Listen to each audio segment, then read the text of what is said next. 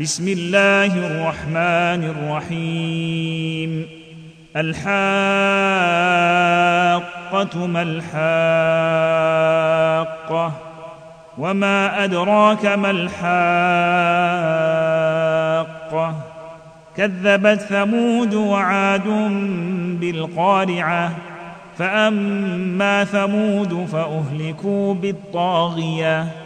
وأما عاد فأهلكوا بريح صرصر عاتية سخرها عليهم سبع ليال وثمانية أيام حسوما فترى القوم فيها صرعى كأنهم أعجاز نخل خاوية فهل ترى لهم من باقية وجاء فرعون ومن قبله والمؤتفكات بالخاطئة فعصوا رسول ربهم فأخذهم أخذة رابية.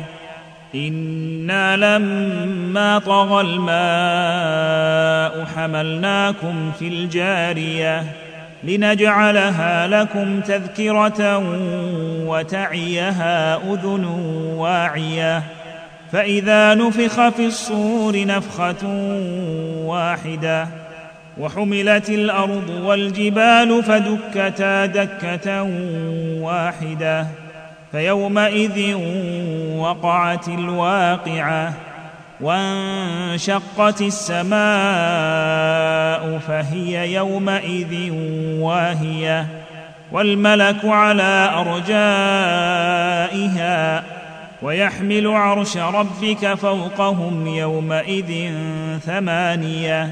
يومئذ تعرضون لا تخفى منكم خافية. فأما من أوتي كتابه بيمينه فيقول هاؤم اقرءوا كتابيه. إني ظننت أني ملاق حسابيه. فهو في عيشة راضية في جنة عالية قطوفها دانية كلوا واشربوا هنيئا بما أسلفتم في الأيام الخالية. وأما من أوتي كتابه بشماله فيقول يا ليتني لم أوت كتابيه ولم أدر ما حسابيه. يا ليتها كانت القاضية. ما أغنى عني مالية هلك عني سلطانية. خذوه فغلوه ثم الجحيم صلوه. ثم في سلسلة ذرعها سبعون ذراعا فاسلكوه.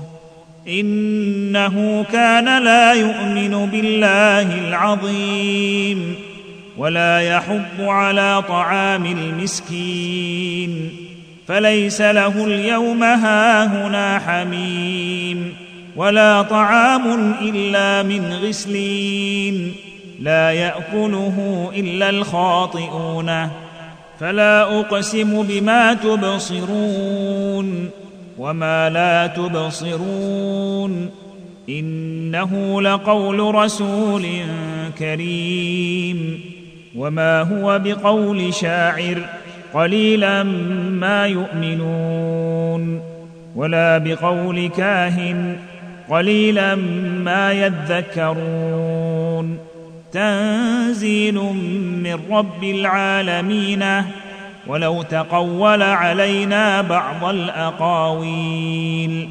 لأخذنا منه باليمين ثم لقطعنا منه الوتين فما منكم من أحد عنه حاجزين وإنه لتذكرة للمتقين وإنا لنعلم أن منكم مكذبين وإنه لحسرة على الكافرين. وإنه لحسرة على الكافرين. وإنه لحق اليقين. فسبح باسم ربك العظيم.